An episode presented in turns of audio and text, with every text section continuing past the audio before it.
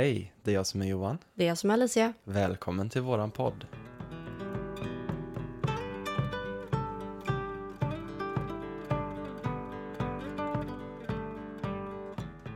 Halloweenveckan är över. Ja, vi tog en välförtjänt paus på en vecka från poddandet. Ja. Så förra helgen så kom det ju ingenting. Nej, Men nu är vi tillbaka. nu är vi på banan igen. Ja. Och idag så har ju jag tänkt på en sak. Mm. Eh, och det är stress. Mm. Du känt dig stressad på sistone? Väldigt stressad. Mm. Ja, det kan jag också säga att jag har gjort. Ja. Nej, det har varit mycket och det har blivit påtagligt Mm. nu, kände jag. Mm. Så att jag, eh, jag vill prata om det. För att jag vet att det är många runt omkring mig, runt omkring dig och eh, antagligen runt omkring dig som lyssnar och kanske du själv som går igenom mycket och är stressad Mm. just nu. Och stress är ju ett sånt eh, vitt begrepp. Alltså, Ja. det är så många faktorer som stressar oss idag. Mm. Och när man pratar om stress så är det ju egentligen mer än bara en sak. Ja, absolut. Så vi tänkte att vi skulle bena lite i vad, vad Vi det kör är. en liten eh, faktaruta här först bara Mm. och så kommer vi in på lite mer Mm, snack sen. precis. Ja. Eh, så vad är stress? Ja, alltså det är ju en fysiologisk och psykologisk reaktion då på yttre påfrestningar. Mm. Så när man pratar om stress så tänker man kanske ofta på att man har mycket att göra på jobbet till exempel. Det är ju Mm. en sak. Men stress kan ju även vara att eh, kroppen inte mår bra fysiskt. Ja, exakt. Att, att den utsätts för påfrestningar och att man mår dåligt på grund Ja. av det. Ja, Så- det är väldigt vanligt. Och jag, jag tänker att stress är ju kroppen och hjärnans sätt att liksom svara på de utmaningar som vi utsätts för i vardagen och de påfrestningarna. Mm. Ja, tittar man tillbaka i tiden så är ju stress nödvändigt för att vi ska liksom överleva. Mm. Så där kan man ju prata om positiv stress. Det kallas Ja, för det finns ju någonting som är positiv stress och negativ stress. Mm. Och det kommer vi också reda ut lite, de begreppen. Ja, och positiv stress benämns som eustress, tror jag det uttalas. Mm. Och negativ stress, distress, det har man ju talat om. Distress. Distress, ja. ja, Ja, och det, sliten som fan. det är när den blir så här överväldigande och skadlig. Jag tänker på så här distressed jeans typ. Då är de ju så här Mm. eh, slitna. Ja, Så man kan, ju, man kan ju säga att negativ stress gör oss jävligt slitna. Ja, så Mm. när, när, man säger, när man hör någon säga att om en stress är ju bra, Mm. då är det liksom, ja, i en normal dos liksom, Ja. för att eh, överkomma vissa utmaningar och så. Mm. Och som jag funkar väldigt bra under tidspress. Mm. För då blir det en bra stress för mig, typ. Mm. Ja. Ja, men så är det. Men det är just eh, det vi ska gå igenom nu, när det kommer stress från så många olika håll och det liksom tar överhanden, det är då det kan bli skadligt. ja, och jag tänkte jag skulle gå igenom lite olika typer av stress. Mm. Så att man kan identifiera vilken typ av stress man själv har. Mm. Och man kan ju ha flera av de här samtidigt. Man kan Mm. ha en kombination. Man kan ha eh, alla Ja, eller ingen. precis. Och det är ju att lära sig hur man ska hantera varje typ av stress. Mm. Så det första det är akut stress och det här är kortvarig och intensivt. Eh, och det här kan vara på ett direkt hot eller en direkt utmaning. Mm. Och jag tänker liksom, säg som reptilhjärnan, jag får ju panikångest, eller Mm. fick panikångest, nu har jag varit panikattackfri väldigt länge. Så skönt. Så skönt. Men det var ju på ett hot. Eh, så reagerar ju kroppen med fly eller fäkta. Ja, Jag tänker att akut stress kan vara lite samma sak. Som att du får, säg att du är utomhus och det, du blir rädd för någonting. Du ser en orm Mm. kanske. mm. Eh, din kroppsliga reaktion är akut stress. Mm. Så kan man väl beskriva det kanske. Absolut. Någonting som höjer pulsen. Man får Mm. kanske lite adrenalinpåslag. Man blir lite skakig. Mm. Det är den akuta stressen. Sen skulle det även kunna vara typ att man, man får ett eh, tråkigt besked, liksom att någon har dött eller då är det liksom sån akut stress som inte liksom är långvarig. Det blir en chock. Ja, en chock. Jag tänker att det blir en chock som håller i sig i några minuter upp till en timme, Mm. då är det en akut stressreaktion. Mm. Eh, säg att någon skulle gå bort till exempel då som du tar som exempel, då är det ju den initiella reaktionen, Mm. den första reaktionen på när man blir helt förkrossad, när man börjar gråta. Sen är det ju långvarigare stress när man, när man går igenom själva sorgprocessen. Så. Ja, precis. Sen har vi kronisk stress och den här är ju väldigt långvarig och det här är ihållande stress. Och det här kan pågå under en lång tid. Mm. Eh, och det här kan ju ha väldigt negativa effekter på hälsan och det här är ju en anledning till utbrändhet. Ja, Så alltså kronisk stress, precis. det som är väldigt länge. Och det är nog många som känner igen sig i idag att normalt sett så finns det ju perioder där det blir lite stressigt och så. Mm. Men för vissa så avtar aldrig den stressen. Jag tänker som läraryrket är ju en långvarig stress. Ja, det är det. Eh, det är ju många lärare just. Eh, jag kan tänka mig att det är många sjuksköterskor. Mm. Eh, säkert massa andra yrken. Eh, nu var det de jag kom på här. Mm. Eh, som generellt sett har mer sån här. Sen så säger inte jag absolut att man behöver ha ett specifikt yrke. Nej. Utan det här är ju din egen reaktion Mm. på det yrket du har. Eller på, säg att du har barn. Du Ja. kanske har småbarn. Precis. Det kan bli en kronisk stress att du är orolig för vad de gör, du är orolig för vad de går igenom. Du kanske är stressad på grund av att det är mycket att fixa hemma. Det är svårt att ta hand om barn, det är det. Mm. Och det är helt okej. Men Ja. det blir en långvarig stress. Exakt. Vilket kan leda till att man blir utbränd. Och det är ju så många olika områden i våra liv där vi är stressade. Det kan vara i vår kärleksrelation samtidigt som det är på jobbet, samtidigt som det är med våra små barn, samtidigt som det är med hundar. Eh, vi kanske är stressade på många olika nivåer i livet där vi kan känna stress. Exakt. Och då blir det kanske att på ett av de här områdena så får man inte heller någon paus. Man kanske inte får paus på något område i sitt liv. Mm. Men tänk ett scenario då som att du bara har det stressigt på jobbet men allt annat är lugnt liksom. Mm. Då är det ju ändå en stress som du kanske kan, man pratar ju om att man är stresstålig eller man kan hantera stress. När du sen säger att stress kan finnas i fler områden än jobbet. Mm. Du kanske har det dåligt med din partner. Eh, det finns ekonomisk stress. Mm. Eh, det finns stress kring din hälsa, din, du sover dåligt. Din kropp. Ja, när det blir så många olika stresskanaler liksom som triggar dina stressorer som det heter. Mm. Det är då det blir för mycket, helt enkelt. Nej men exakt. Sen har vi ju eh, fysiologisk stress och det här är ju kroppens reaktion på fysiska påfrestningar eller hot.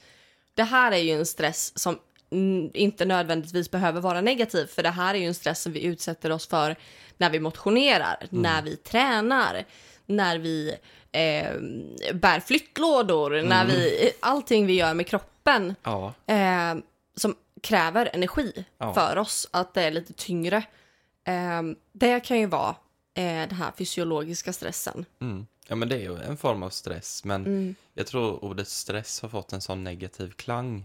För det finns ju positiv stress Ja, också, bra den- stress. Ja, Mm. så att träna musklerna till exempel, man utsätter ju kroppen då för en fysiologisk stress. Mm. Men det är ju i slutändan någonting som gör oss hälsosammare. Så det här begreppet just fysiologisk stress, det här är ju inte kroppens reaktion på de mentala utmaningarna som vi, när vi går igenom all den här andra typen av stress, så påverkar det självklart också kroppen. Mm. Men fysiologisk stress är just fysiska påfrestningar som exempelvis träning. Mm. Sen har vi psykologisk stress och eh, det här är ju stress som uppstår på grund av mentala påfrestningar eller att vi har väldigt mycket känslor, emotionella påfrestningar. Så det här är ju påfrestningar kanske på grund av att vi går igenom en väldigt tuff period i vårt liv, att vi har väldigt mycket känslor under den här perioden och att vi inte mår bra rent psykiskt, att Mm. vi har väldigt mycket i våra huvuden. Och man har väldigt mycket att göra kanske. Man känner att man aldrig blir färdig, man hinner inte med. Tankarna bara snurrar. Ja, Jag tänker att det, det finns väldigt, väldigt, Mm. väldigt mycket eh, som kan samlas in under psykologisk Mm. stress just. ja, exakt. Och mycket är ju just kopplat till våra tankar. För egentligen så finns det ju bara nuet. Mm. Så det som ger en stress, det är ju för att man tänker på alla de här grejerna. Istället för att vara här och nu. Ja. Men vi kommer komma fram till lite sådana här lösningar sen. Mm. Eh, så att du ska inte bara bli medveten om stress i det här avsnittet utan du ska också bli medveten om hur du kan jobba med Mm. din stress. Men det är väldigt viktigt att här, kunna sätta fingret på alla de här olika områdena tycker Mm. jag. Så det... Ja, det är viktigt. Jätteviktigt. Sen har vi miljömässig stress. Mm. Och det här är inte för att du är rädd för att du sopsorterar fel. Nej, Nej, nej, nej, nej. det kanske finns de som har det med. Då är det nog lite mer psykologiskt. Men det här är ju orsakat av faktorer i omgivningen och det här kan ju vara att det är mycket ljud runt omkring en. Det kan vara att det är eh, mycket folk, att eh, man är i en folkmassa. Det kan vara arbetsplatsen som lägger hårda krav. Det kan vara väldigt mycket, eh, din partner kanske har vissa förväntningar på dig. Din familj kanske har det, din mamma, din pappa. Dina barn har en viss förväntning på dig. Din eh, kompis har en viss förväntning på dig. Eh, det handlar om den miljön vi är i, både relationsmässigt och eh, rent fysiskt. Om vi är i en väldigt, eh, om vi är ljuskänsliga, Mm. att vi är i en väldigt så här blinkande miljö säger vi. Ja. Eh, säg att vi är ute på klubben. Mm. Det är både trångt och det är mycket ljud. Det är väldigt bullrigt. Jag vet varje gång man kommer hem när man har varit ute på klubben till exempel så är det ju som när man ska sova att det bara susar i öronen när man har varit på konsert eller Ja. man har varit eh, jag vet när vi åker bil långt, då kan jag få så här att det mullrar i öronen efteråt. ja, det är jättejobbigt när det inte är tyst i bilen. Mm. Ja, det är, jättety- det, det är jättetyst. Det är jättejobbigt när det inte är tyst. Vi får köpa en bra bil som är tyst, helt Ja, och enkelt. jag tänker har man NPF typ som ADHD och autism så är man ju extra Det här känslig förstärks för... ju väldigt mycket, just miljömässiga stressen. Mm. Och då finns det ju, jag kan rekommendera, nu är vi inte sponsrade på något sätt här, men jag har Loop, heter de. L-O-O-P. Det här är öronproppar som släpper igenom tal. Så står du och pratar med någon så släpper den igenom vad den personen säger. Men den reducerar bakgrundsljud, så om det är någon som klipper gräset utanför Mm. och du ska prata med någon, då kan det bli väldigt jobbigt och då vill man gärna ha öronproppar. Men den här släpper alltså inte igenom gräsklippan, men den släpper igenom den du sitter och pratar med. Så man kan säga typ en bullerfiltrering eller Exakt. brusreducering. Brusreducering. För det är ju det man har svårt med när man har till exempel ADHD, Mm. att filtrera bort saker. För den här har ju jag, jag har ju använt de här när vi har ställt ut på mässa. Mm. Eh, för då är det ju väldigt mycket bakgrundsljud. Mm. Och jag vill gärna fokusera på den personen som kommer fram till mig och vill prata med mig. Mm. Eh, då är de här väldigt effektiva och dessutom är de skitsnygga. Mm. Jag ska fan få till ett samarbete med Loop så att Ja. ni kan få en rabattkod eller någonting. Ja. För det hade varit jättenice. Mm. Jag tänker, där pratar vi om alla sinnen. Hörsel är ju bara ett. Mm. Sen har vi ju... Sen har vi ju synen till exempel. Mm. Och där blir man också bombarderad med mycket intryck, det är mycket som händer. Det är svårt att sortera allting, om det är en folkmassa till exempel. Mm. Man är kanske på helspänn, man går och analyserar väldigt mycket. Ja. Sen har vi ju lukten, det kan ju också stressa en om det är någonting. Så att man är inne, i en, eh, inne på Kicks till exempel eller någonting. Mm. Och det är väldigt mycket parfymer, det är väldigt mycket smink, det är mycket dofter hela tiden. Eller vi är en folkmassa, alla kommer ha olika parfym. Eh, alltså just sånt där kan ju också trigga eh, ganska mycket den eh, miljömässiga stressen som vi känner. Och ett tecken på att man har miljömässig stress det är att när man kommer hem och landar i sitt egna så blir man väldigt trött. Och det kallar du för att vara intrycksbakis. Ja, det gör jag. Eh, det här är ju också ett begrepp som... Jag la ut ett inlägg på eh, AK coachning om det här Mm. för ett bra tag sedan nu. Men det här fick väldigt mycket uppmärksamhet när jag la upp det. Eh, och det tycker jag var väldigt kul. Mm. Eh, just intrycksbakis, för det händer ofta både när jag kommer hem efter ett stort event eh, och dagen efter. Mm. Då är jag nästan som bakfull. Mm. Eh, ont i huvudet, seg, trött, pallar inte ställa mig upp, vill bara sova. Eh, ta en pizza, dricka lite cola och Mm. kolla på en film och vara tyst. Liksom. Och det är ju okej. Det är helt okej att vara intrycksbakis. Men det är därför det är så viktigt att komma ihåg att är man mer alltså, känslig för de här intrycken Mm. som när man har NPF. Då har man ju längre återhämtningstid. Mm. Eh, så Ja, det är därför verkligen. vissa jobb till exempel blir för svåra eller att man håller ihop på jobbet och sen kraschar man när man kommer hem. Mm. Och man, får, man kan liksom inte göra allting utan man får välja bort områden i sitt liv. Men idag så förväntas man ju liksom sköta sitt jobb och Mm. göra allting hemma också. Ja. Så det kan ju bli väldigt tufft. Mm. Men jag tänker också när man är ute bland folk och när man gör mycket saker och man vet att man kommer bli stressad. mm, Det går ju att hålla upp på jobbet också till exempel, sådana öronproppar. mm, Eh, och att man kanske gör saker för att minska de här intrycken mm, så att man minskar det här intrycksbakiskänslan efteråt. mm, Och det är ju till exempel att ha de här öronpropparna. Man kan ha, säg att man ska sitta mycket på jobbet vid en skärm. Man kan ha blue light-glasögon. Det är någonting som jag också rekommenderar jättemycket. Det har jag. mm. Eh, för sitter man vid det här är inte bara för NPF-personer ska jag säga. Nej, det är för, För alla. att vi förstör våra ögon med skärmar dag ut och dag in. Mm, Vi tittar på skärm, alltså jag skulle säga 50% av vår vakna tid så har vi en skärm fram, framför oss. mm, det här är inte hälsosamt. Absolut inte hä- hälsosamt. Utan våra ögon tar fruktansvärt mycket stryk. Så blue light glasögon eller blåljus glasögon. Eh, och då har ingenting med polisen att göra. Eh. Men ehm, nej, det är väldigt bra. Ehm, och jag har faktiskt, om du följer ak.coachning på Instagram. Det är min eh, Instagram där jag coachar. ehm, som jag har varit mindre aktiv på just nu, men jag kommer komma igång med det här nu eh, snart igen.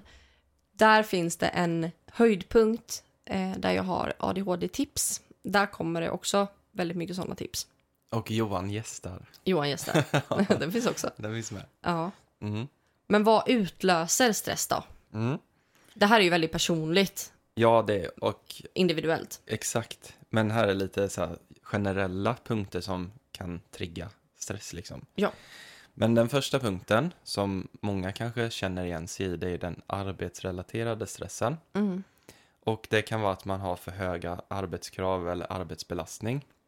Och det här är ju någonting man verkligen behöver vara tydlig med sin chef. Mm, Att det här blir för mycket för mig. absolut. Nu måste ni avlasta mig. Mm, För att de har faktiskt, jag brukar ju tänka så att jag har inte sökt det här jobbet utan Mm. de har erbjudit mig den här tjänsten. mm, De har anställt mig att jobba åt dem. mm, Ehm, så att det är jag som erbjuder någonting i den här relationen. Och det kan vara lite klurigt för ibland så framgår det inte i ditt anställningsavtal hur många arbetsuppgifter du egentligen ska ha Mm. och att det kan läggas på mer och mer och mer. Ja, Så det är lite så här lurigt i vissa det är yrken. Absolut. Och sen har vi ju som du som är liksom din egen chef. Mm. Du kan ju ge dig själv mer än vad du klarar av Ja, också. Det har jag gjort på sistone så det Mm. har jag fått eh, betala för Mm. de senaste två veckorna. Det funkar inte liksom. Nej, det gör det inte. Utan man måste sätta ner foten där med Mm, och verkligen. absolut. Sen har vi ju då om man har en otydlig arbetsroll eller förväntningar på sig. Det här Alltså, går ju lite ihop med, det här, med Ja, belastningen. man vet kanske inte riktigt vad man ska göra och man blir stressad för att man blir stressad för att gå runt och hela tiden eh, ja, alltså irra runt. Man vet inte riktigt vad man pysslar med. Nej, exakt. Mm. Och ändå så känner man att man inte gör tillräckligt. Ja, Och det kan vara nog så jobbigt att ha en otydlig arbetsbeskrivning. Ja. Ja, men säg att du är montör. Du ska montera de här grejerna. Punkt slut. det är en tydlig Det är arbetsbeskrivning. tydligt, ja. Ja. Men jag, Medan du som är lärare, jag som är lärare, Mm. det är ju extremt otydligt. Jag, jag är anställde... du städerska? ja, men, alltså är du eh, specialpedagog? Är du... ja, men Alltså det finns så många olika typer. Är du förälder? där pratar vi om, det finns så mycket förväntningar som Ja. inte står med i arbetsbeskrivningen. Exakt. Saker som man måste steppa in och göra. För att jag kan ju inte bara liksom, om ett barn är ledset eller har skadat sig, bara, nej men jag bara utbildar och planerar, det där får någon annan ta. Jag är inte sjuksköterska. Nej, Eller jag är inte skolsköterska. så det där kan ju bli väldigt Ja. stressande att eh, man måste lösa konflikter och ja, allt möjligt. Ja, för det är ju faktiskt nästa punkt, konflikter på arbetsplatsen. Ja, och det tror jag inte är jättevanligt när man jobbar med vuxna, men det, det förekommer Det ju. förekommer, Det- det ska jag säga. det. Det. förekommer på nästan varje arbetsplats. Absolut. Det kan ju vara väldigt stressande. Mm. Så här att man kanske har någon kollega som man inte drar jämt med eller Eller så finns det ju mobbare på arbetsplatser det, också. det kan det göra. Då känner man kanske en stress av att behöva gå till jobbet och möta det här. Mm. Och sen då jag som jobbar med barn, då blir det ju konflikter bland barnen. Ja, Så att, flera gånger om dagen oftast. ja, även om Ja. jag inte har någon konflikt med någon så är jag ju i en miljö där det sker dagliga konflikter som Mm. jag steppar in och försöker lösa. Och Ja. det kan ju vara väldigt påfrestande och eh, ja, men stressande. Det är det ju, absolut. Eh, sen är det ju då brist på stöd från chefer eller kollegor. Mm. Där man känner att man kanske ber om hjälp men man inte får. Jag tänker också att man kanske inte är redo att stå helt på egna ben. Man kanske kommer in på en ny arbetsplats och så vet man inte riktigt hur man ska hantera det. Men du har ju jobbat som lärare innan. Mm. Ja, men ni har ett helt annat system och jag förväntas klara mig själv väldigt snabbt. Jag vet att jag var på en klädesbutik Mm. eh, där jag förväntades kunna systemet på två dagar. Man Det får, funkar inte man så. får ingen inlärningsperiod liksom utan man känner sig som en fågelunge som blir utsparkad ur boet för tidigt. Ja, exakt. Och det, jag menar, det tänker jag att eh, det förlorar man ju på i det långa loppet. Istället då för att lägga tid på att lära upp någon så att man blir självgående. För blir man inte det från början, då är det ju jättelång uppförsbacke. Ja, det är det verkligen. Absolut. Och när jag tog mitt första jobb som lärare, då fick jag en väldigt svår klass. Jag var nyexaminerad Mm. och där behövde jag extremt mycket stöd från mina kollegor och min chef. Mm. Men det fick jag inte för de var så, de hade så fullt upp med sitt så liksom det var så här, Man ja, behöver vara ett lag mm, på de flesta arbetsplatser. Så det var så här, jag fick uppfinna hjulet på nytt Ja. med lektionsplaneringar och det var massa svårigheter och där förväntades jag bara, ja men du är ju utbildad lärare. Så Du kan ju det här. du ska ju klara det här. Ja. Men det är ju inte så. Det är inte så. Alltså någonting mer som kan bidra till arbetsrelaterad stress det är ju att man har väldigt oregelbundna arbetstider eller att man jobbar mycket övertid och att det nästan är för jag vet vissa företag så är det nästan kultur att man ska jobba övertid. Mm. Att eh, då är du bäst på företaget om du jobbar så mycket som möjligt. Ja, Och det blir ju att man blir en arbetsnarkoman. ja. Nej men typ det är ju inte bra. man är säljare eller någonting, man känner att eh, jobbet blir så pass eh, viktigt att man inte har någon tid för sin familj eller så. Mm. In, inte tid för någonting annat. Mm. Och det... det- är skillnad på att vara karriärist Ja, eller att vara arbetsnarkoman Mm. och jobba alldeles för mycket. mm. och det finns ju inom läraryrket med.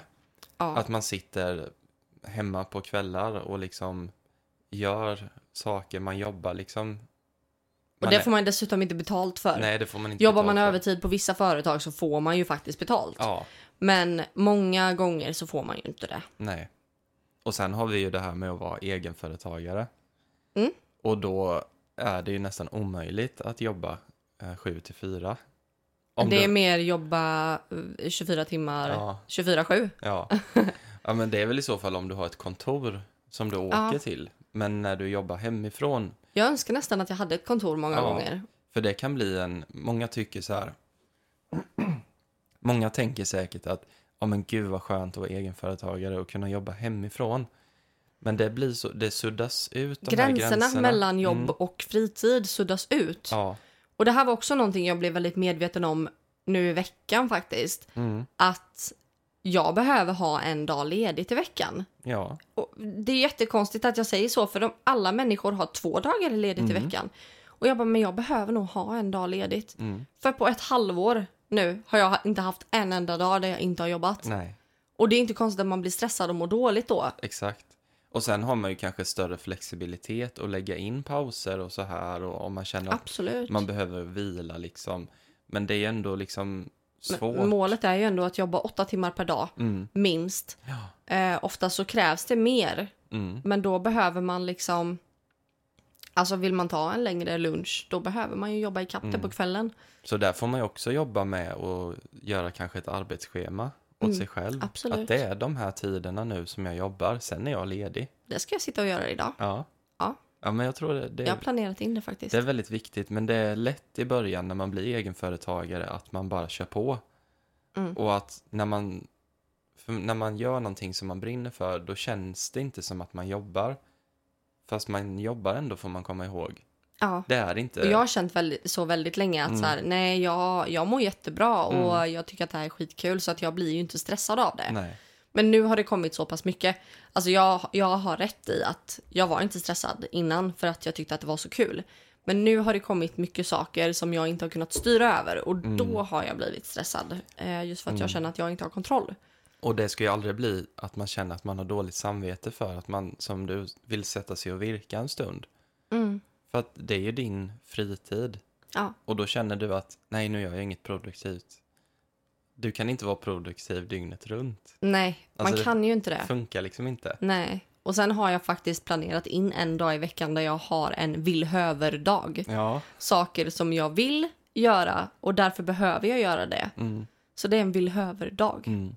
Vi kommer lite längre ner ge tips på vad man kan göra Mm. för att avstressa Så lite. här kommer det mer. Ja. Nu ska vi gå igenom lite ekonomisk stress också. Mm. Eh, för det här handlar ju om liksom osäkerhet kring vad man ska, eh, sin ekonomiska framtid. Eh, att man kanske inte har något spar, man kanske inte eh, vet hur nästa månad kommer bli, man kanske lever paycheck to paycheck liksom. Mm. Eh, så den är ganska jobbig.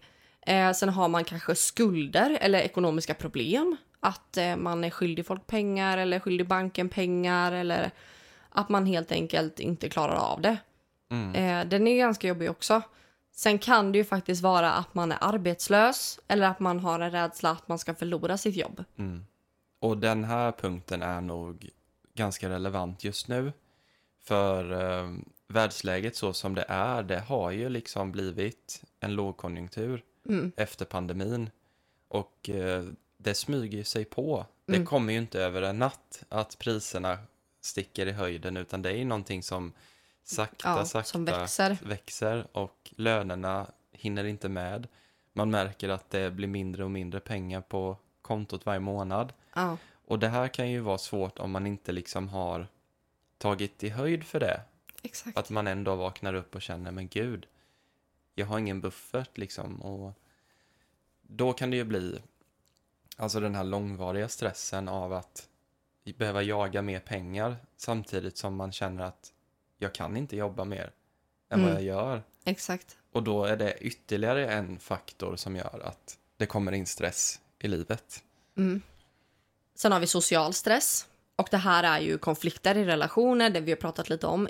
Då är det familj och vänner, kollegor.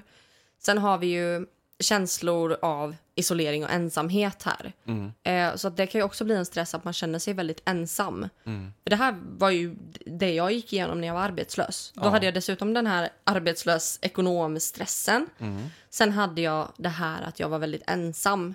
Jag hade dig, jag hade min kompis Kiki mm, och jag hade min familj ibland som jag åkte till och umgicks med. mm. Men jag var själv väldigt mycket.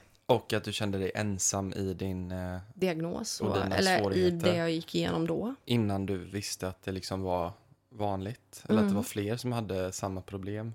Exakt. Sen har vi social press och förväntningar från andra och det här tänker jag är väldigt kopplat till sociala medier. Mm. Eh, för sociala medier blir en extrem stress. Ja. Just du ska se ut på ett visst Mm. sätt, du ska ha vissa saker, du ska ha vissa kläder, du ska, alltså, du ska gå till frisören si och så många gånger per år. Det finns så mycket så som är...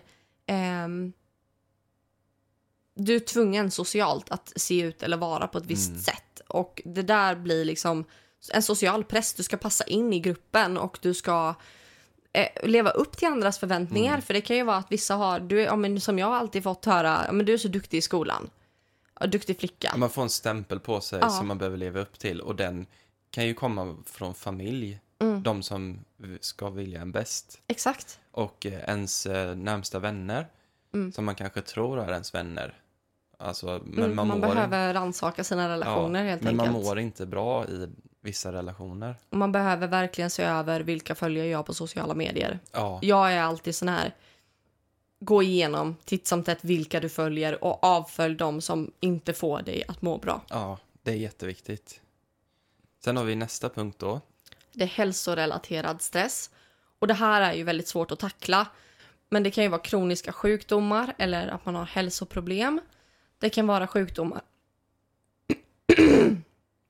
det är hälsorelaterad stress. Och det här kan ju vara ganska svårt att tackla. Men det kan ju vara kroniska sjukdomar eller andra hälsoproblem. Man kan ju ha skadat sig till exempel. Sen kan det ju vara sjukdomar hos familjemedlemmar eller närstående. Säg att någon i din familj har blivit väldigt sjuk. Man kan ju få hjärtproblem, man kan få cancer. Det kan vara väldigt mycket olika saker som kan trigga där. Mm. Och sen kan det ju vara också att man har en hälso... Eh, att man har, vad heter det, hälsoångest. Ja. Att man är orolig för sin egen hälsa. Mm. Eh, och att man kanske känner att shit, eh, nu har inte min mens kommit som den ska, vad är det som är fel? Eller eh, jag får hjärtklappning, vad, vad är det? Och att man blir ännu mer orolig över sin kropp. Mm. Det, Ja. det är jätteviktigt att prata om just alltså, den hälsorelaterade stressen. Mm, verkligen. Ja, men jag tänker just sjukdomar och så, eller att man är rädd för att bli sjuk. Det är ju någonting som verkligen kan gå och ligga och gnaga. Det är ju någonting som också har blivit mycket vanligare sedan pandemin. Mm, Att man är väldigt rädd om sin hälsa, man är rädd för sin hälsa. mm, Eh, och det här kan ju ta sig i att man isolerar sig. mm, Eh, eller så eh, tar det uttryck i att man börjar träna överdrivet mycket. mm, Eller att man börjar ta mycket kosttillskott. Eller att man, eh, ja, men att man helt enkelt inte mår bra eh, Ja. i den stressen. Utan man försöker hela tiden åtgärda någonting. ja, Istället för att känna vad behöver min kropp just nu. mm, mm, Det kan Ja. bara vara en kopp te och ett bad. exakt. Det kan räcka för att man ska känna sig frisk igen. Eller för att känna sig pigg igen. Mm. Jag tänker det här med som du säger, gå runt och räkna kalorier och Mm. det är ju en stress, det vet ju du med. Det är det värsta jag vet. Det, jag, när jag får upp reklam för eh, så här appar där man kan räkna kalorier och sånt där. Jag blir så fruktansvärt arg för det var det som gav mig min ätstörning när jag Ja. var typ 12 år, 11 år. mm, Det var fruktansvärt för jag laddade ner en sån app och räknade vad allt jag åt. Det var, det var hemskt. ja, för då går man ju hela tiden runt Mm. och tänker, man får dåligt samvete, ja men jag kan inte äta det här, det är för mycket kalorier och jag blir tjock och... Mm. Ja, Alltså, hellre tjock och glad än smal och... hellre tjock och glad, tjock och lycklig, mm, än smal och ledsen. mm, Helt ärligt. faktiskt. Och jag tycker att det är så otroligt när människor är glada. Happy Buddha. Alltså på riktigt, ja, happy Buddha. Nej men alltså jag skiter i hur du ser ut, Ja. bara du är glad Ja, och mår bra. verkligen. Det är det viktigaste. Mm. Och det spelar ingen roll hur man ser ut i sin kropp. För har du självförtroendet, självkänslan och du mår bra i dig själv. Det spelar ingen roll om du väger 200 kilo. Det spelar ingen roll. Nej. För mår du bra, då mår du bra. Mm. Det är det viktigaste. Det är bara så. Mm. Nej, jag tycker det är fruktansvärt med folk som håller på med det här med bantning och eh, fucking, vad heter det, Viktväktarna. Man och, lägger ju det på sig själv. Jag kräks på allt det där. Och det värsta är ju när man sitter tillsammans och någon är med i Viktväktarna och man har en middag tillsammans och det finns andra med som inte är med. Och sen så säger man hur mycket liksom points det är i den och den och den. Usch. Det är inte roligt. Och sen har vi ju den här miljömässiga stressen. Och det här kan ju vara liksom så mycket olika saker som kan trigga. Det kan ju vara extrema väderförhållanden till och med. Eller liksom naturkatastrofer. Sverige på vintern. Sverige på vintern till exempel. det kan ju vara att man känner sig otrygg på grund av att det är mycket kriminalitet eller att det är med liksom mycket så här eh, vad säger man, typ politiska oroligheter i världen eller i sin stad eller att det är mycket så här, mycket kriminalitet eller sånt. Det kan också trigga en miljömässig stress. Och jag tänker att man läser nyheter varje dag och man blir bombad med allt hemskt som händer i världen. Alltså jag liksom. tror aldrig, jag läser inte nyheter längre. Nej, många kan ju då tycka att det är ens skyldighet att hålla sig uppdaterad. Men Ja. för att man ska må bra så måste man så välja att sortera bort vissa saker. Mm. Det, det kan räcka med att man vet att det är krig mellan Ryssland och Ukraina och eh, Mm. i eh, Israel och Palestina. Det, det kan räcka att man vet att det är en konflikt. Man behöver inte gå in varje dag och läsa Ja, idag dog det så här många barn och idag gjorde de den här offensiven. Alltså, Alltså brinner man för saken, you go. mm, Det är jättestarkt. Det är fantastiskt med de som lägger ner sin själ i det här. mm, jag beundrar varenda en. Med det sagt så behöv, alltså bara för att man inte engagerar sig så betyder inte det att man ligger platt. Nej. Eh, och att man inte är emot de sakerna. Jag ser det som att man behöver börja jobba med sig själv först. För att kunna vara stark för andra behöver du också vara stark för dig själv. Eh, sen kan du göra det du kan göra. Ja. Absolut. Det visar, visar sympati, men det handlar om att du behöver också ta hand om dig själv. Mm. Eh, och helt ärligt så är det ju oss själva vi ska leva med hela livet. Mm. Om vi inte tar hand om oss själva, hur ska vi då kunna ta hand om någon annan? Mm. Det är jätteviktigt. Sen har vi faktiskt livsförändringar. Mm. Och det här är ju någonting som är väldigt vanligt. Ja. Det kan vara skilsmässa, det kan vara att man eh, förlorar en närstående, det kan vara att man flyttar eller att man, det blir en stor förändring på sitt jobb. Mm. Eh, det kan vara att man behöver ta väldigt stora livsbeslut eller att man utsätts för en situation i ens liv där man behöver liksom övergå eh, från ett liv till ett annat. Mm. Eh, och att man liksom kanske inte har det valet själv. Mm. Eh, och det här blir ju en stor stress. Verkligen. Sen har vi det här med teknologi som du pratade om innan. Exakt. Ja. Ja. ja, och det här är ju att man använder liksom skärmar, telefon, dator, tv alldeles för mycket. Mm. Man är ständigt uppkopplad. Det är ju inte bra. Och alla vi som... Ja, varenda människa egentligen använder skärmar för mycket. Mm. Och som sagt, man kan ju underlätta med till exempel blue light-glasögon. Men sen är det väldigt viktigt att koppla ifrån. Det är väldigt viktigt att koppla ifrån vissa timmar, göra andra saker bort från skärmen. Jätteviktigt. Ja. Och det är det här infoflödet som finns idag. Ja, Jag vet inte, det finns någon liknelse med att förr i tiden så läste man en tidning.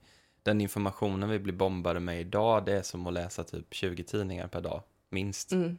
Så Nej, det är sinnessjukt. våra hjärnor går ju på överbelastning Ja. med att vi blir matade med så himla mycket information idag. Alltså vi kraschar ju våra hjärnor. Precis som en dator Ja. kan krascha så kommer Ja. våra hjärnor förr eller senare att krascha. Och det är inte så konstigt att tänka att våra hjärnor behöver ju vila med.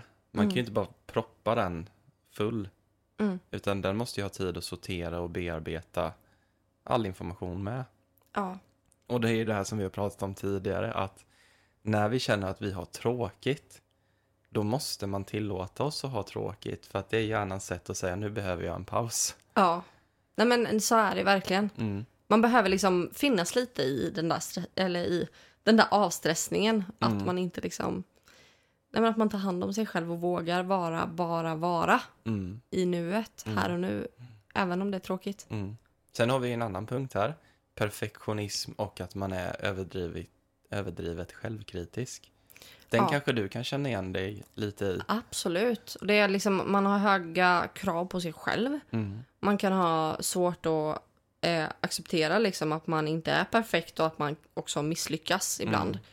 Eh, jag tycker inte om ordet misslyckas utan jag tycker att vi har lärt oss någonting. Ja, men jag tänker det kan ju försvåra i till exempel i vår relation om jag ska avlasta dig med någonting. Då känner du att du har så höga krav på det du ska göra att du vet att du gör det bra. Men om jag ska göra det åt dig så är du rädd för att, Det kommer inte bli lika bra som om jag gör det själv. Och då- så då gör jag det hellre, själv, hellre Även själv. om det stressar mig mer. ja, typ som om vi ska hjälpa till att packa paket. Då har Ja. du en viss standard Mm. och där är jag inte lika flink som du är. Mm. Och då blir du mer stressad av att jag kanske gör fel eller är långsam. Och att då känner du att du ändå liksom, Jag gör det själv. ja. Ja, Och då blir, det, då blir det ju tufft. Då blir det ju en stress oavsett. Även om jag försöker avlasta dig. Så det blir mer stressigt. ja, Och det är någonting man verkligen behöver jobba på. Ja. Jag behöver jobba på det. sänka liksom din standard. Vi har ju pratat väldigt mycket om good enough. Ja, Att det Och- behöver inte vara perfekt. Det behöver bara vara bra nog. vi får nöja oss helt enkelt. Är sängen inte bäddad till perfektionism en dag så är det good enough liksom. Ja. Den, Nej. är, den är ändå Den är bäddad. jättesvår för mig att släppa. Ja. Den är jättesvår för mig att släppa. Mm. Eh, och det... Nej, det är någonting jag måste jobba på. Mm. ja. Men det är ju en sak som stressar dig. Och det blir lite prestationsångest över det också. Mm. Man lägger ju den här stressen på sig själv att det ska vara på ett visst sätt. Mm. Och eh, det kan ju läggas från andra också. Att Mm. man får prestationsångest, till exempel i skolan. Mm. Jättevanligt. Eller på jobbet. Att man har de här förväntningarna och då måste man prestera. Ja. Ja, men jag tror många går igenom det i skolan, att de ska få alla rätt på ett prov till exempel. Det är Och jättevanligt. får man inte, Jag tror alla i min gymnasieklass Ja. hade det problemet. får man något fel, istället för att tänka att gud, jag fick nästan alla rätt, så var det, jag fick ett fel, jag är sämst, Mm. jag skulle fått alla rätt. Alltså, ja. Det beror ju på hur man ser det. Mm. Halvfullt eller halvtomt. Exakt. Sen har vi att man känner att man inte har tid och att man är överbelastad. Mm. Det här kan verkligen trigga stress, att man känner att man inte har tid. Eh, det är som att man har liksom... Så har jag känt väldigt mycket också. Ja, Att jag har så mycket att göra. Jag hade behövt 48 timmar per dygn. ja, och jag känner likadant. Mm. Eh, och vi är ju två personer, tänker jag. Och det spelar Ja. ingen roll att vi är två som delar på allting. Vi hade behövt vara fem. ja, Alltså, det, det är liksom... vill du ha ett jobb, sök. Familjens bök. Och det, det, det är alltid så här att när man bockar av någonting Då kommer nästa sak. så kommer det liksom Ja. saker från ingenstans. Så Ja. den här listan, Du kommer med- aldrig bli färdig med den. nej, den är liksom alltid full, den här to-do-listan. Mm. Och där kan man bara, alltså du måste ta vissa saker åt sidan. Mm. Min kompis chef kom med ett väldigt bra eh, exempel på det här. För min kompis för alltid en lista över allting som ska göras varje dag. Och sen i slutet av dagen så slänger man den här listan i soptunnan. Mm. Eh, och då jämför den här chefen, ja, du kan ju tömma soptunnan. Mm, Men nästa dag så kommer den ju fyllas på igen. mm, Och du kommer behöva tömma den igen. Så att varje sak som du gör, det blir någonting du behöver fortsätta. Eh, det, kom, det kommer alltid fylla på. Även om du tar tur med det så kommer det alltid fylla på med skräp. mm, Det kommer alltid behöva fylla, eller det kommer alltid fyllas på med grejer som du behöver göra. mm, Och det är punkt liksom. Mm. Så att mm, oavsett hur mycket du har eller hur lite du har.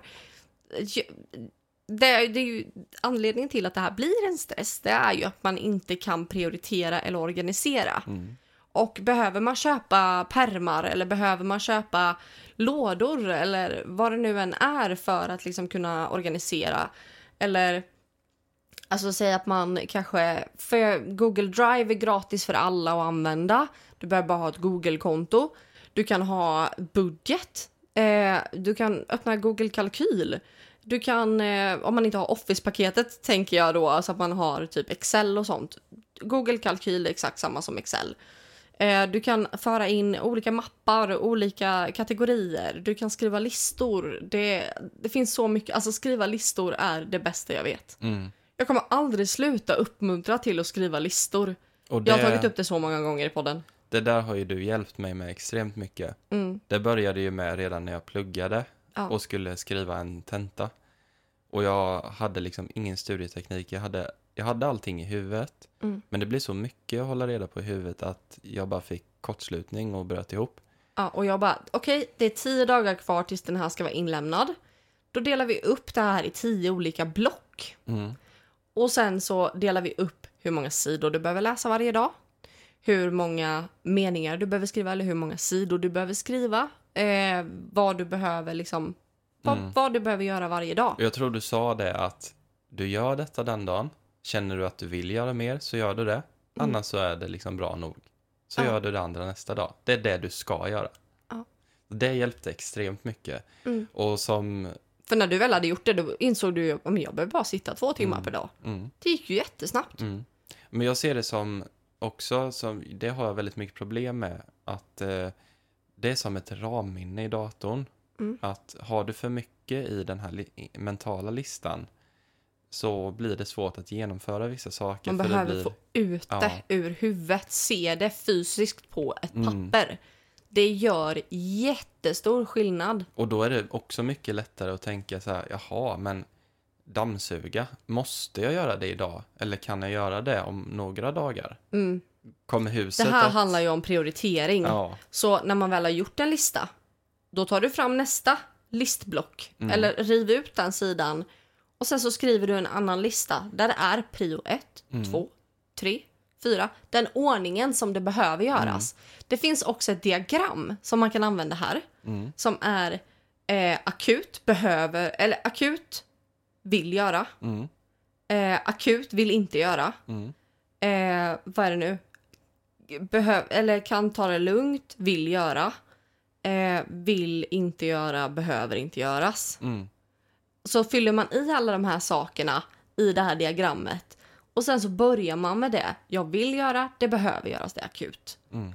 Och sen så får man titta på den, det är akut men jag kanske inte vill göra det nödvändigtvis. Men behöver jag göra det? Ja, det behöver jag. Det Då fortsätter ju- jag med det. Det handlar ju om att veta i vilken ände man ska börja. Mm. För hjärnan har ju väldigt svårt att sätta upp en prioriteringslista. Ja. För du har ju, säg att du har tio saker som du vet du ska göra. Mm. Men då är det ju så här, du, du har ju sett när jag har min mentala lista, då kan jag ju bli helt yr och liksom springa och göra lite Du där, är lite där. okontaktbar. Ja, Och det blir inte effektivt Nej. för att du springer runt och sen i slutet av dagen, "Ja, jag har gjort lite av det och lite av Mm. det och lite av det. är Men du är inte färdig med någonting. Nej. Gör färdigt en sak i taget. Mm. Det låter jättetöntigt och jättelätt och bara så här, ja men vad är det för jävla tips? Mm. Har du testat att göra en sak i taget? Och faktiskt göra färdigt den uppgiften utan att avbryta och gå iväg och göra något annat. Mm. Testa det, så får du se hur lätt det är. Mm. Det är inte det. Det är jättesvårt. Så att, att ta en sak i taget, det är en utmaning. Mm, verkligen. Så nu utmanar jag dig som lyssnar att ta din to-do-list, gör färdigt en hel sak. För när man väl har gjort färdigt en sak, då känner man också den... Man får en dopaminkick för att jag är färdig. Nu är jag färdig. och wow! att, man kan checka av en punkt helt. Det, Det är jävligt skönt. det, det är liksom som axlarna åker ner lite varje Då är det gång. ingenting som drar efter liksom. Mm. Det är jätteskönt.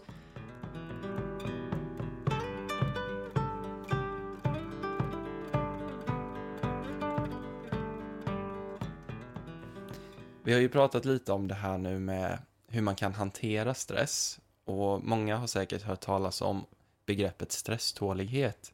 Mm. Och det behöver ju inte betyda att eh, bara vissa tål stress. Utan det handlar, Nej, det är ju att, ingenting du är född med. Ja, men du är stresstålig. det handlar om att vissa har bättre copingmekanismer. Det är en muskel. Som det vi pratade om nyss, att Mm. skriva listor. Det är ett sätt att göra saker alltså mer hanterbara. Man behöver liksom, det är en muskel som, Mm. av struktur som man behöver träna. Mm. Att jag måste ha den här strukturen för att det ska gå framåt. Mm. Och Och, man- Jag har testat många olika studietekniker till exempel, Mm. tills jag hittade den som passade mig. Ja. Det är samma sak med saker som jag behöver göra hemma Ja. eller saker jag behöver göra med jobbet. Mm. Nu håller jag på fortfarande att testa mig fram. Mm. Jag har jobbat med mitt egna företag i över ett år. Mm. Och fortfarande, jag har inte hittat rätt metod för mig för att det ska flyta på så smidigt som möjligt. Jag har testat massa olika saker. Mm. Massa olika listor, contentplaneringar. Mm. Det har inte funkat för mig. Och jag måste liksom fortsätta leta, Ja, helt enkelt. Och det är inte mer med det, utan du är inte perfekt. det här inflödet, det kanske du aldrig kan stoppa. Men det handlar ju om att anpassa dig till den här situationen. Exakt. Hur du hanterar och sorterar inflödet. Det kan man säga är en form av stresstålighet. Men eh, nu kommer vi att gå igenom lite olika punkter då med, med bra tips. Mm. Jag vill bara säga en sak också. Mm. Be om hjälp. Ja, Våga be om hjälp. Det är många som säger, men då visar jag mig svag. Nej, Nej. för det är coolt att våga be om hjälp. precis. För att när jag mådde som sämst och när jag har varit som mest stressad, då har jag också varit så här, nej men jag vill inte be om hjälp för jag klarar det här. Jag ska kunna klara det här själv. Mm. Fast vem är det som säger att du ska kunna klara det själv mer än du? Nej, Det, och, det finns ingen anledning till att liksom nej. kämpa vidare på det sättet. och inse inte det för sent liksom, utan be om hjälp i tid. ja, Det är nog den viktigaste punkten. exakt. Att kunna säga att men du, jag fixar inte det här, jag behöver nog lite hjälp.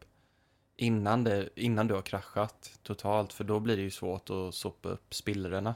Exakt. Men vi har ju pratat om att prioritera och planera. Och jag tänker bara, jag ska ta en grej lite snabbt här nu. För vi ska gå igenom en lista med olika punkter som är avstressande och som kan liksom hjälpa dig att hitta lite mer balans i ditt liv och som kan eh, få dig att fylla på med energi, tänker jag också.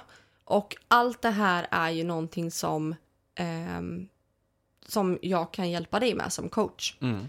Så jag har mina coachningstjänster uppe på våran webbshop. Mm. Eh, där går man in och så köper man en session. Eh, och där kan vi hjälpas åt att komma fram till metoder som kan hjälpa dig med stresshantering. Eh, för det här är någonting som jag verkligen brinner för. Mm. Och då kommer vi kunna gå igenom allt det här egentligen som står i den här listan. Då kommer vi kunna, kunna hjälpas åt med att hitta ett system som funkar för dig. Det blir ju Ehm. en skräddarsydd liksom. eh, Vi hjälps åt. Ja, Vi hjälps åt. Ja. Eh, och det kan man behöva ibland. mm, verkligen. Så känner du att du vill det så är du välkommen. Och du är grym på att coacha när det kommer till just stress. För du coachar ju mig hela tiden i, Ja. i att liksom... Ja, men jag tror det är för att jag har upplevt så mycket stress själv Mm. och nu har jag lärt mig själv att hantera det. Och Mm, jag har hittat så många olika metoder på att Mm. hantera det. Så att jag... Eh, vi, vi skräddarsyr en Mm. lösning för dig. Jag tycker det är jätteviktigt. mm. Och jag har vågat öppna upp mig med för att jag är stressad. Mm. För ibland har jag känt... Man får jag- inte leva i förnekelse. när, när jag kom hem från jobbet till exempel att nej, jag vill inte slänga ur mig allting som har hänt. Men då går jag och bär på det. Ja, det är inte bra. Nej. Nej. Men prioritera och planera. Det här Mm. är jätteviktigt. Det här är nog en av de viktigaste punkterna som finns för att du inte ska bli stressad, för att du ska kunna hantera din stress. Och det handlar om att identifiera och fokusera på det som är mest viktigt, det som Mm. är mest akut just nu. Mm.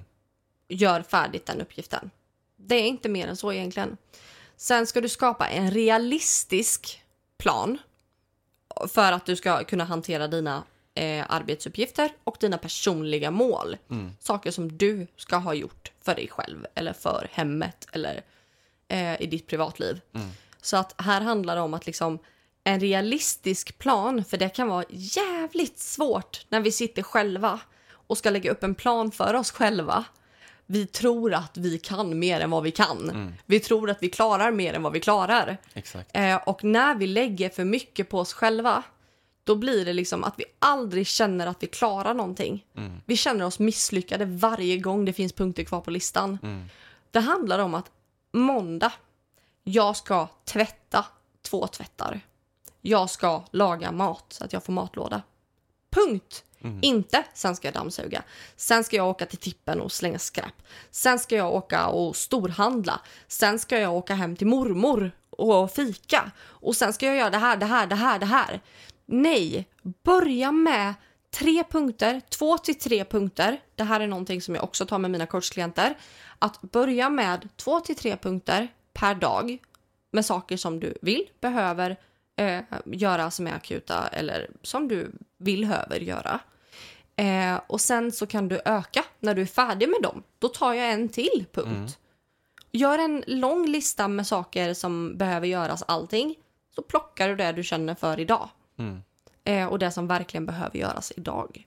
Så att man skriver en lista på allt man har i huvudet. Mm. Men det är egentligen bara tre saker som du tilldelar. Ja, du, skriver, du stoppar undan den där listan Mm. för dagen.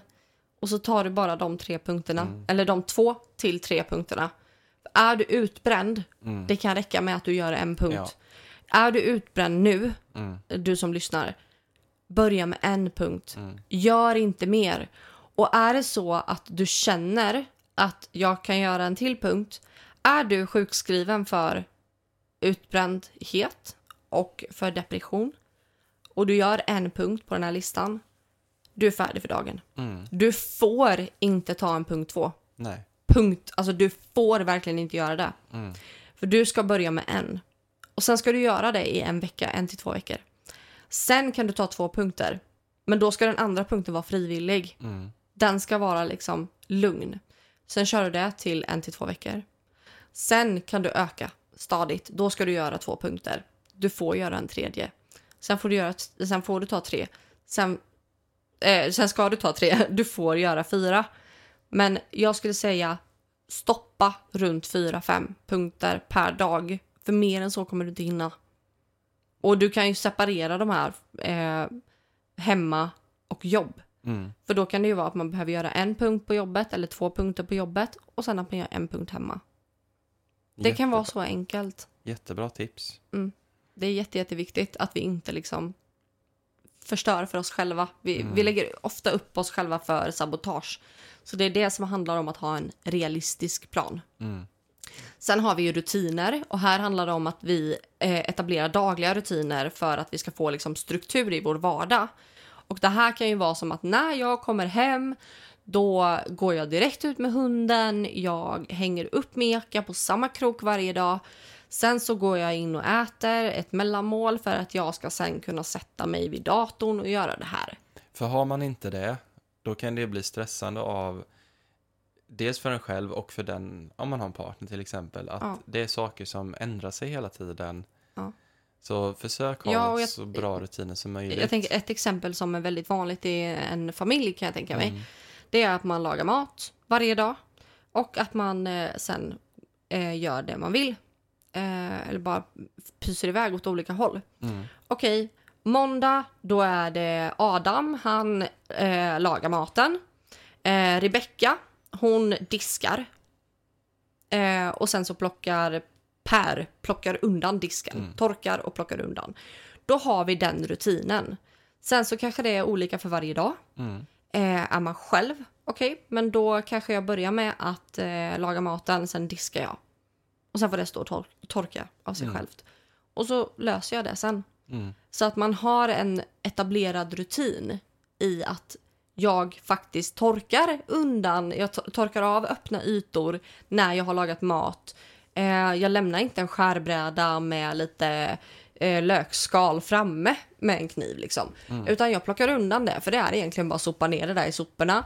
Skölja av skärbrädan, skölja av kniven och så är det klart. Det kan också bli en stress av att man skjuter saker framför sig hela tiden. Ja, Och har man svårt att ha rutiner i huvudet eller att ha, hålla rutiner, att man hela tiden behöver komma på dem på nytt, då är det också återigen, man kan skriva en instruktion, typ, en lista. ja alltså jag skulle Steg. säga skaffa en whiteboard. Ja, det är smidigt. Det är jättebra för då kan du alltid skriva ner det du har i huvudet. Mm.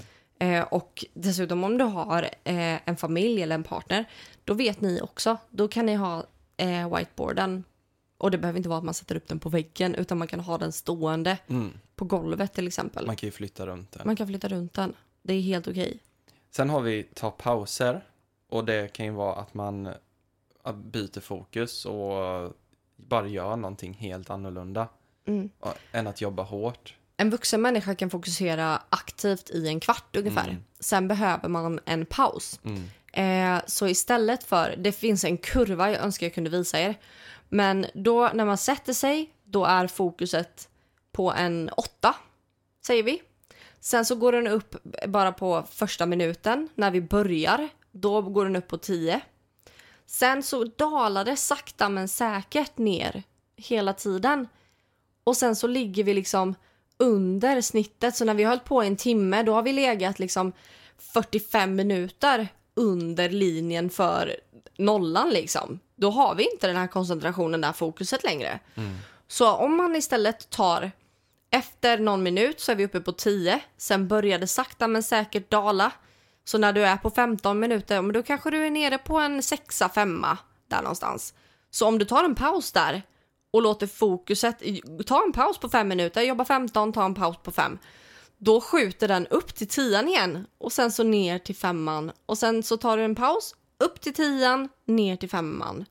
Så att det är en mycket, mycket mer effektiv metod för att jobba istället för att sitta i en timme, komma upp till tian och sen så ligga under, under nollan liksom i 45 minuter på den timmen. Mm. Det är skitonödigt. Mm. Varför ska man göra så? Ja. Nej, det är jätteviktigt att man liksom tar sig den lilla, lilla stunden. Och det här är ju faktiskt forskat på. Det är Ja. inte någonting som jag har suttit här och hittat på. Nej. Nej, utan det är så här. Och sen har vi ju motion också. Det Mm. har man ju hört talas om så, men att man gör det regelbundet. Och det kan ju vara som att ta en promenad varje dag. Ja, Som man känner att man klarar av. Det behöver ju inte vara liksom att, jaha, nu måste jag gå ut och gå en timme varje dag med. Det kommer jag inte hinna med. Nej, alltså ta en promenad på 10-15 minuter till att börja med. ja. Eller, För antagligen så kommer du... Jag brukar säga att jag ska gå ut i skogen och lämna lite känslor. det hjälper ju. Det hjälper jättemycket för man rensar huvudet när man är Mm. utomhus. Mm. Eh, och sen så kan det vara att man yogar. Mm. Jag tänkte på det här med att ta pauser. Det behöver inte vara att man nödvändigtvis går iväg eller går ut eller gör någonting när man tar en paus. Utan det kan vara att man sätter sig i en minut och djupandas. Ja, Eh, och att man liksom gör någonting som är avkopplande utan att ta upp telefonen, hörni. mm, Ta inte upp telefonen under den lilla pausen. mm, Det kan vara att man behöver kolla ett sms, absolut. Men där inräknas inte i den pausen. mm. För det här ska vara en hälsosam paus. Mm. Och sen det här med fysisk aktivitet. alltså man frigör ju mycket stress genom att man använder kroppen. Det blir som att Ja. det blir en, en pysventil liksom. Jag tror jag pratade om det i något avsnitt för bara ett tag sedan. Det här med att vi behöver eh, aktivera kroppen lika mycket som hjärnan. Mm, Eh, just för att vi behöver få ut energi mm, i vår kropp så att vi blir trötta. Jag tror jag pratade om sömnsvårigheter där. mm, Eh, att vi sitter så mycket vid en skärm så vi får så mycket mentala intryck. Att vi behöver få kroppsliga intryck också. ja. Och att vi behöver ha en kroppslig balans. Att det blir en obalans mellan att du är Mm. för mycket i ditt huvud och inte i din kropp. Ja, Och där har ju du testat på shaking till exempel. det är skönt. Ja. Det är jättebra. Så det är en, jätte, en jättebra metod för att liksom hamna i din kropp igen och släppa ut Mm. på saker som gör dig stressad i huvudet. Ja. Nej, det är jättebra. Och vet man inte vad shaking är så kan man ju följa Johanna Frances på Instagram. Jag tänkte precis säga det. Ja. och sen, eh, eh, hon har ju fredagsshaken ja, faktiskt. Varje fredag. mm. Och hur lång tid tar det? Max Det- fem minuter. Fem minuter. Ja. Ingenting. Och sen har vi ju, som jag då är massör. Ja. Man kan ju komma och ta en massage. Det är jätteavslappnande. Du har fått massera mig väldigt mycket på sistone för att jag är väldigt Mm. spänd i nacke och axlar. Det är också någonting som jag vill pusha på nu när det är kallt ute. För du drar automatiskt upp axlarna när det är kallt ute. Du tänker inte på det, men du gör det. Och där ger det en väldigt stress. Eh, och jag kände ju också energimässigt jättekul, jättekul och konstigt eh, när du masserade mig att här hade jag en energiblockering. Ja, visst. Och du kände ju det med. Det kan sätta sig Mm. i musklerna och när du eh, sover dåligt eller är stressad på dagarna då går det ju runt och axlarna åker upp. Mm. Du blir spänd i nackmusklerna och axelmusklerna. Mm. Sen spänner du käkarna typ hela Ja, tiden. gud ja. Och då till slut så kommer du få huvudvärk och spänningar i axlarna. Jag tänker också ögonbrynen väldigt Ja. mycket. Att man, så här, Man rynkar man pannan. rynkar pannan väldigt mycket. Och det i sin tur leder ju till en nedåtgående spiral i ditt mående. Mm. Att du går runt och känner dig, liksom, man kan nästan få depression av bara Ja. fysiska blockeringar och spänningar i kroppen. ja, och där tycker jag också det är viktigt det här med skärm. Mm. Att du har eh, rätt ljusstyrka på din skärm. Mm. För det går ju att justera på både dator och på telefonen vilken ljusstyrka du har. Så att du inte behöver sitta och eh, squinta med ögonen, eller vad säger man? Kisa. Kisa. Eh, så att du liksom kan sitta och titta på en skärm, skärm med dina blue light-glasögon. Eh, och att det är behagligt att titta Mm. på det. Att du inte behöver anstränga dina ögon för mycket. Mm. Det är också en bidragande faktor till att vi får väldigt ont. Men då vill jag pusha på också att gå till en massör. För att det blir väldigt, väldigt eh, lätt att vi inte, vi bryr oss inte om de här spänningarna. Och vi vet inte ens var det kommer ifrån. Mm. Du kan ju berätta om din huvudvärk som du hade förra veckan. Ja, herregud. Det var helt galet hur ont i huvudet jag hade. Och det var, det satt i ena axeln. Det satt i nacken. Eh, och det satt i mitt ansikte. Så när du masserade mitt ansikte så släppte huvudvärken helt och hållet. Och då finns det ju olika alltså, triggerpunkter man berör. Ja. Och jag tänker mycket vid tinningarna, pannan, käken, hakspetsen, Och även eh, runt näsan, Mm. precis under näsan. kindbenen. Och man kan massera sitt ansikte själv. Det, kan brukar man. jag också göra. Mm, Och sen så finns det något som heter gua sha. Mm, Eh, och det är som en eh, liten platta som man drar på sitt ansikte. mm, Eh, ett massageverktyg. mm, Det kan man också köpa. Det är väldigt smidigt. mm. Eh, väldigt enkelt att använda. Och massageolja är jättebilligt att köpa. Mm. Man kan köpa doftfri på apoteket för Ja, jättelite.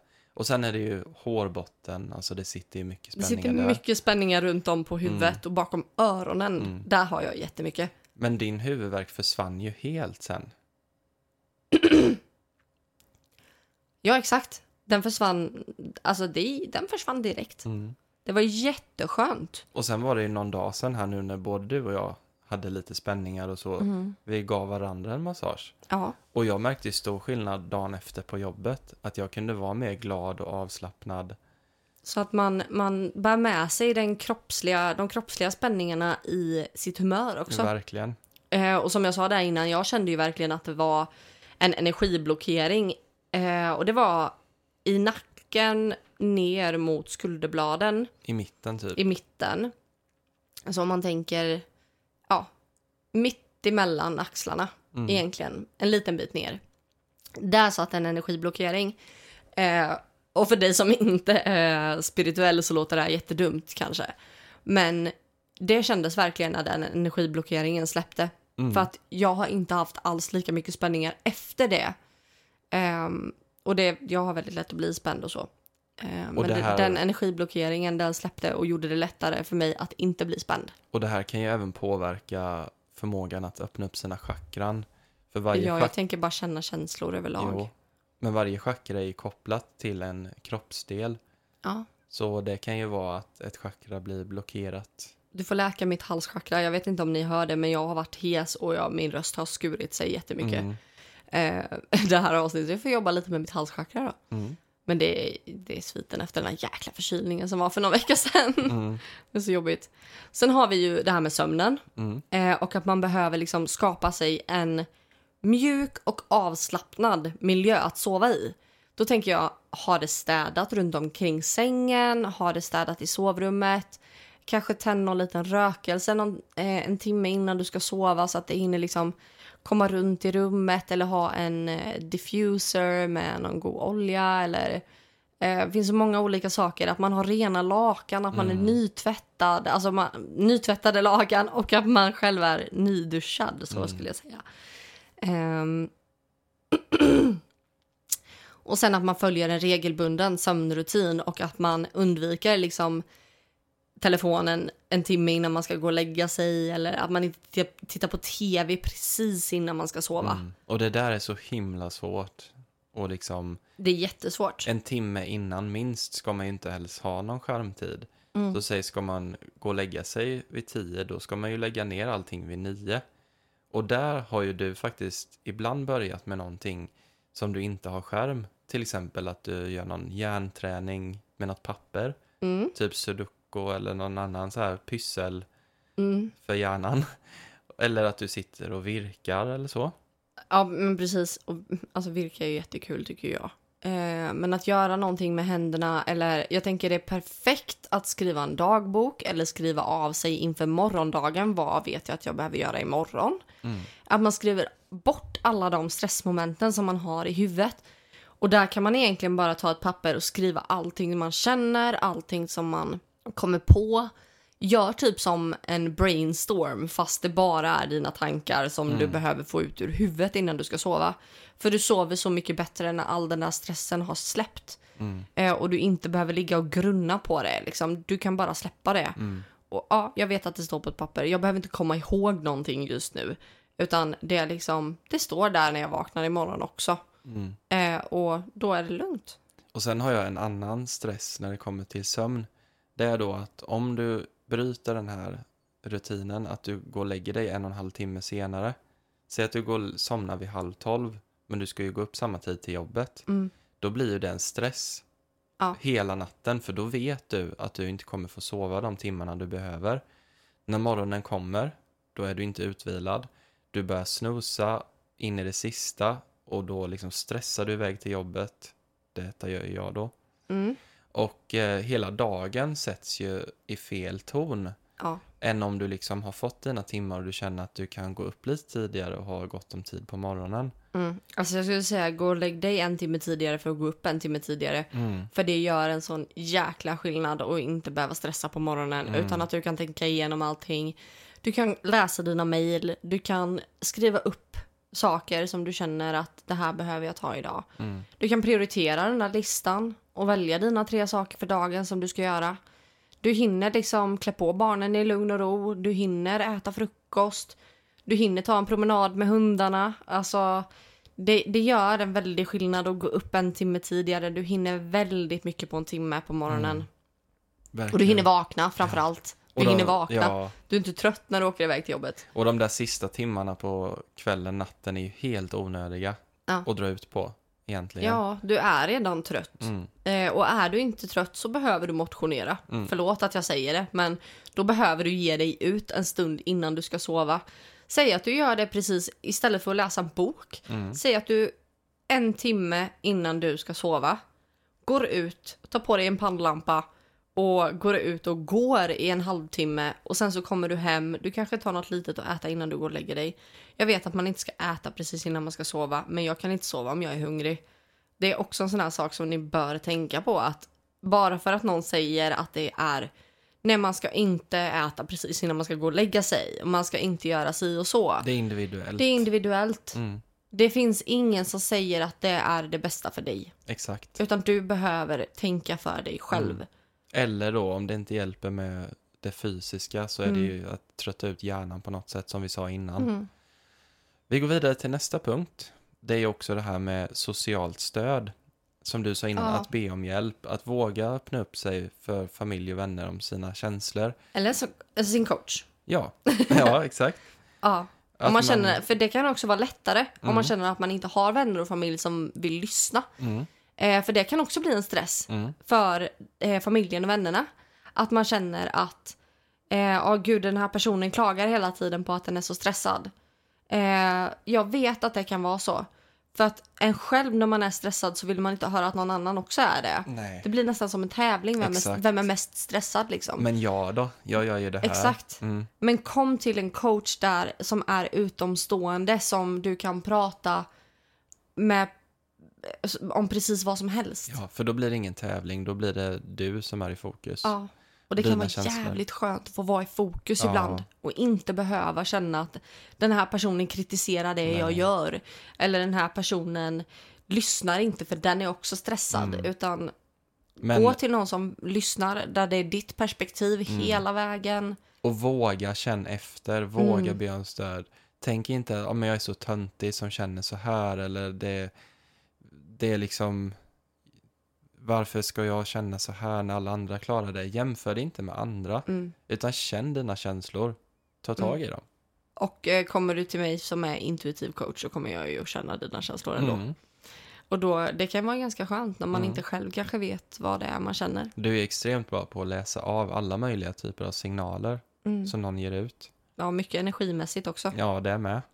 Sen kan du bygga och eh, underhålla nära relationer för det här emotionella stödet. Och då kan det ju vara att man börjar öppna upp sig för- sin partner och att den personen då i utbyte öppnar upp sig till dig också. Mm. Och att man liksom bygger upp den här, det här förtroendet och att man faktiskt kan prata om det. Mm. För det är nog minst lika viktigt som att man har struktur och att man har ordning och reda och att man varvar ner och tar det lugnt. Det är minst lika viktigt att man har en partner att prata med eller en person att prata med. Ja, men som jag då, att jag känner nu att jag kan öppna upp mig för dig. Exakt. Att jag inte är rädd för att lägga över någonting på dig eller att det Mm. blir jobbigt. Att vi lyssnar på varandra. Och är man singel så får man ta en kompis eller så Mm. får man faktiskt vara ärlig med sig själv Mm, och öppna upp sig mot sig själv. mm, För det är minst lika viktigt och det funkar minst lika bra. Sen har vi olika avslappningsmetoder. Ja, och vi har ju faktiskt en egen meditation för det här. En djupavslappning. Ja, och du, vi har ju ett meditationspaket för Ja. dig som inte vet det. Där får man ju alla olika typer av meditationer. Och det kan vara kul att testa också. Mm. Det det är jätteroligt att testa. Ja. Så det är sex olika meditationer som är ungefär totalt en timmes inspelade, Mm. guidade av mig. De är inte så långa varje meditation utan de är typ 10 minuter, en kvart. Mm. Men om vi pratar om stress då, så har vi en för djupavslappning, en Ja. för att börja dagen på bästa sätt och en för att avsluta dagen på bästa sätt. Så en morgonmeditation och en kvällsmeditation. Mm. Och det där är ju underbart. Mm. Just morgonmeditationen är ju väldigt, väldigt god. Den tar bara fem minuter. Den tar fem minuter på morgonen. Du kan göra det medan du ligger i sängen Mm, eh, och inte har gått upp än. Och så bara ställer du dig upp och känner sån jävla kraft inför dagen. mm, Du klarar precis vad som helst. mm, Den känslan är så jäkla god i den meditationen tycker jag. mm, verkligen. Mm. Och sen har vi ju det här med att eh, musik är ju väldigt bra för av, avkoppling och avslappning. Ja. Det är därför jag alltid har på någon lugn och skön musik när jag masserar. Mm. För att man kommer in i ett visst flow och det blir inte den här... För tystnad kan vara väldigt stressande. ja, det kan det vara. För då ligger Jag man... blir väldigt stressad när det är tyst. Mm, Jag tycker inte om det. nej. Och sen så kan jag ju bara säga att eh, där finns ju mindfulnessövningar och Mm. det får man också om man går mitt coachprogram. Nu ska jag öppna det för bokning snart igen. Eh, är väl tanken. Eh, men där får man ju målarboksidor, man får eh, massa roliga saker och avslappningsövningar och eh, hej kom och hjälp mig. Det är hur mycket som helst men just mindfulness är så otroligt viktigt och det är en avslappningsmetod som du anpassar efter dig själv. Det som du blir lugn av. Det är jätteviktigt. Det kan vara yoga, det kan vara baka, det kan vara måla, det kan vara korsord, det kan vara sudoku, det kan vara hur mycket olika saker som helst Mm, egentligen. Så att där handlar det om vad blir du avslappnad av? mm. Om det är att, jag vet inte, spela datorspel, ja, men Mm. gör det då. Ja, Nu försöker vi koppla bort från skärmen, men gör det ändå då. ja. Men jag tänker också så här som att äta mat. Mm. Att man faktiskt fokuserar på att äta maten. För det är så lätt att Ja. man bara kastar i sig maten eller att man sitter och kollar på någonting. Att man inte ens... Att man tänker på att man äter mat. Ja, Ja, det är viktigt. för då kommer man också bli mer nöjd Mm. med eh, att äta. Mm. Annars tittar man ner på tallriken. Jaha, var den Har jag tom? ätit upp nu? ja. Ja. Sen har vi det här med skärmtid. Mm. Eh, man kan ju ställa in skärmtid eh, på telefonen och Mm. att man faktiskt ser till att göra det och att telefonen går i låsläge så att man inte blir liksom. Man får inga notiser. Man kan sätta telefonen på sömn. Jag har sömn från och med klockan 10. Då kan man inte ringa mig, man kan inte smsa mig.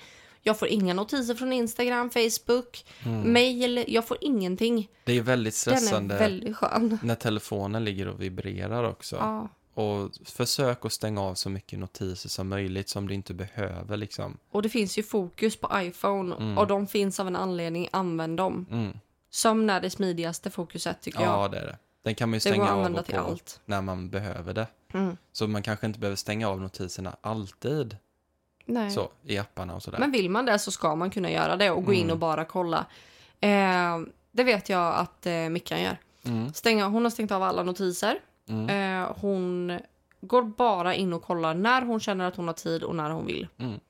Då går hon in och kollar. För annars så känner man sig stressad att oj, nu måste jag kolla vad var det här för någonting som Mm. ploppar upp. Och sen även tänker jag på att eh, det här med skärmtid. Att ibland kan det vara nyttigt att gå in och kolla.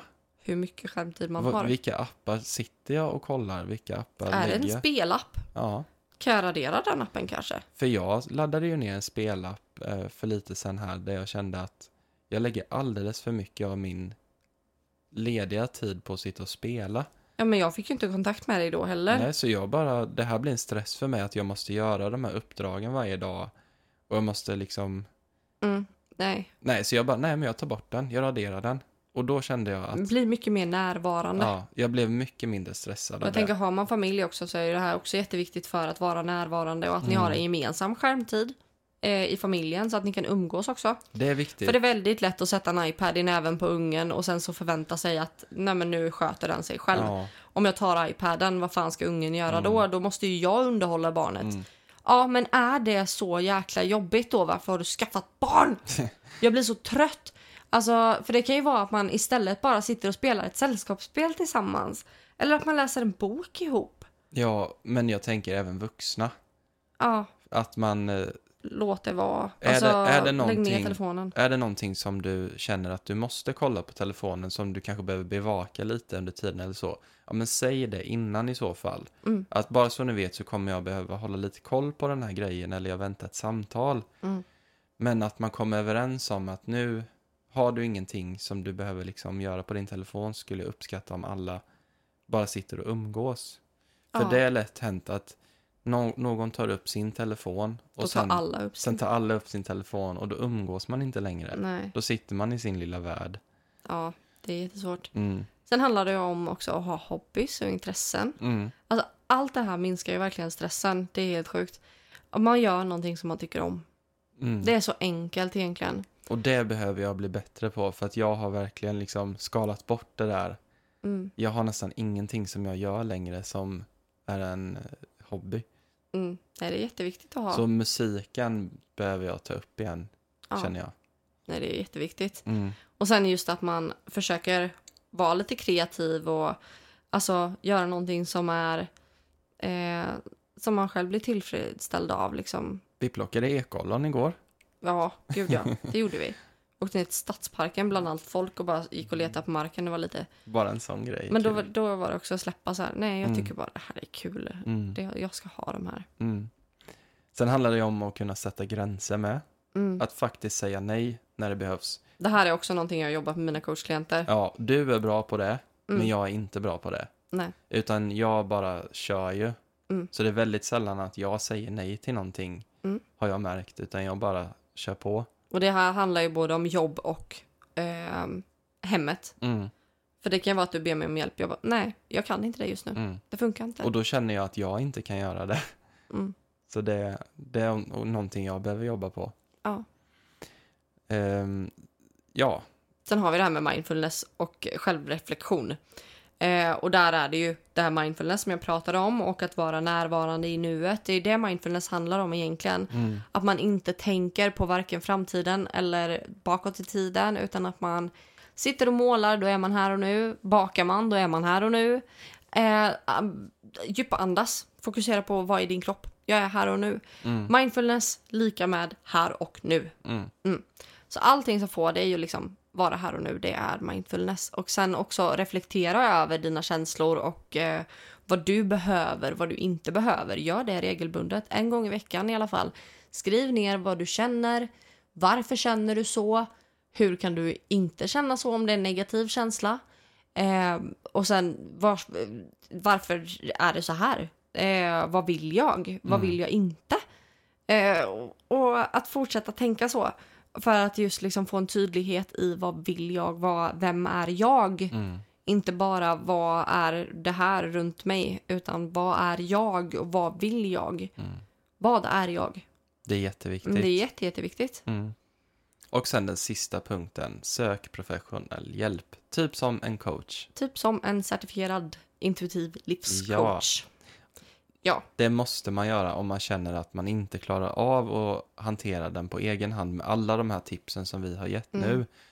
Man behöver någon utomstående som faktiskt kan komma in och styra upp situationen. Ja, och därför känner jag också att jag vill hjälpa andra för att jag själv varit i en sån situation där jag liksom inte har, har kunnat hantera någonting. Eh, och dessutom, eh, om man ska argumentera för varför man ska komma till mig som coach Mm. så är det för att jag själv upplevt allt det här. Jag har varit suicidal. Det finns eh, ett avsnitt i podden, om du inte har lyssnat på det, här, som heter Ljuset i slutet. Eh, och där är min historia. Så vill man kan man lyssna på den. Eh, jag har NPF, eh, ADHD och eh, jag har även bipolär sjukdom. Jag vet hur det är att leva med... Eh, jag har varit ett barn Mm. med de här diagnoserna, odiagnostiserad. Eh, och jag vet hur det är att vara ett barn. Jag kan se det här från ett barns perspektiv. Jag Mm. kan hjälpa föräldrar som har barn med NPF. Eh, har du själv eh, någon form av NPF-diagnos eller bipolär sjukdom eller en psykisk sjukdom. Eh, du är jättevälkommen för jag har den förståelsen för dig. Mm. Eh, så det är väl därför jag skulle säga att det är därför jag argumenterar för mig själv. Och du tittar ju på helheten. Du har ju så Mm. många olika ingångar Mm. i att reda ut vad ligger roten till allting. Ja, Det är ju du grym på att hitta. man kommer få övningar också Mm. och ehm, nej, jag tror att det kommer det kommer hjälpa. Mm, verkligen, det är jag Mm. övertygad om. Och jag kommer bara lyssna om det också är så att man bara vill prata. Mm. Allting som är det bästa för dig. Mm. Mm. I got you. Bra, men jag tycker att eh, Vi rundar av. det vi rundar av, det summerar dagens Ja. avsnitt.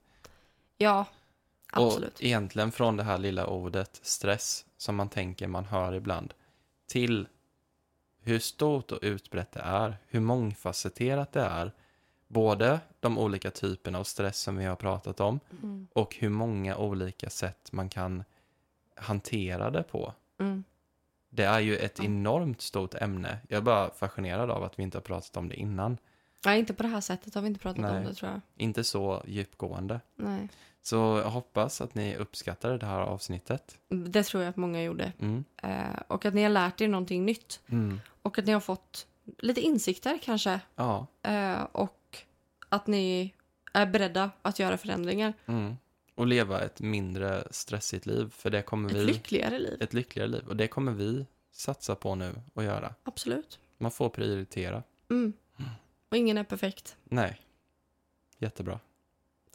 Tusen tack för att ni har lyssnat. Vi hörs nästa vecka. Det gör vi. Hej då! Hej då!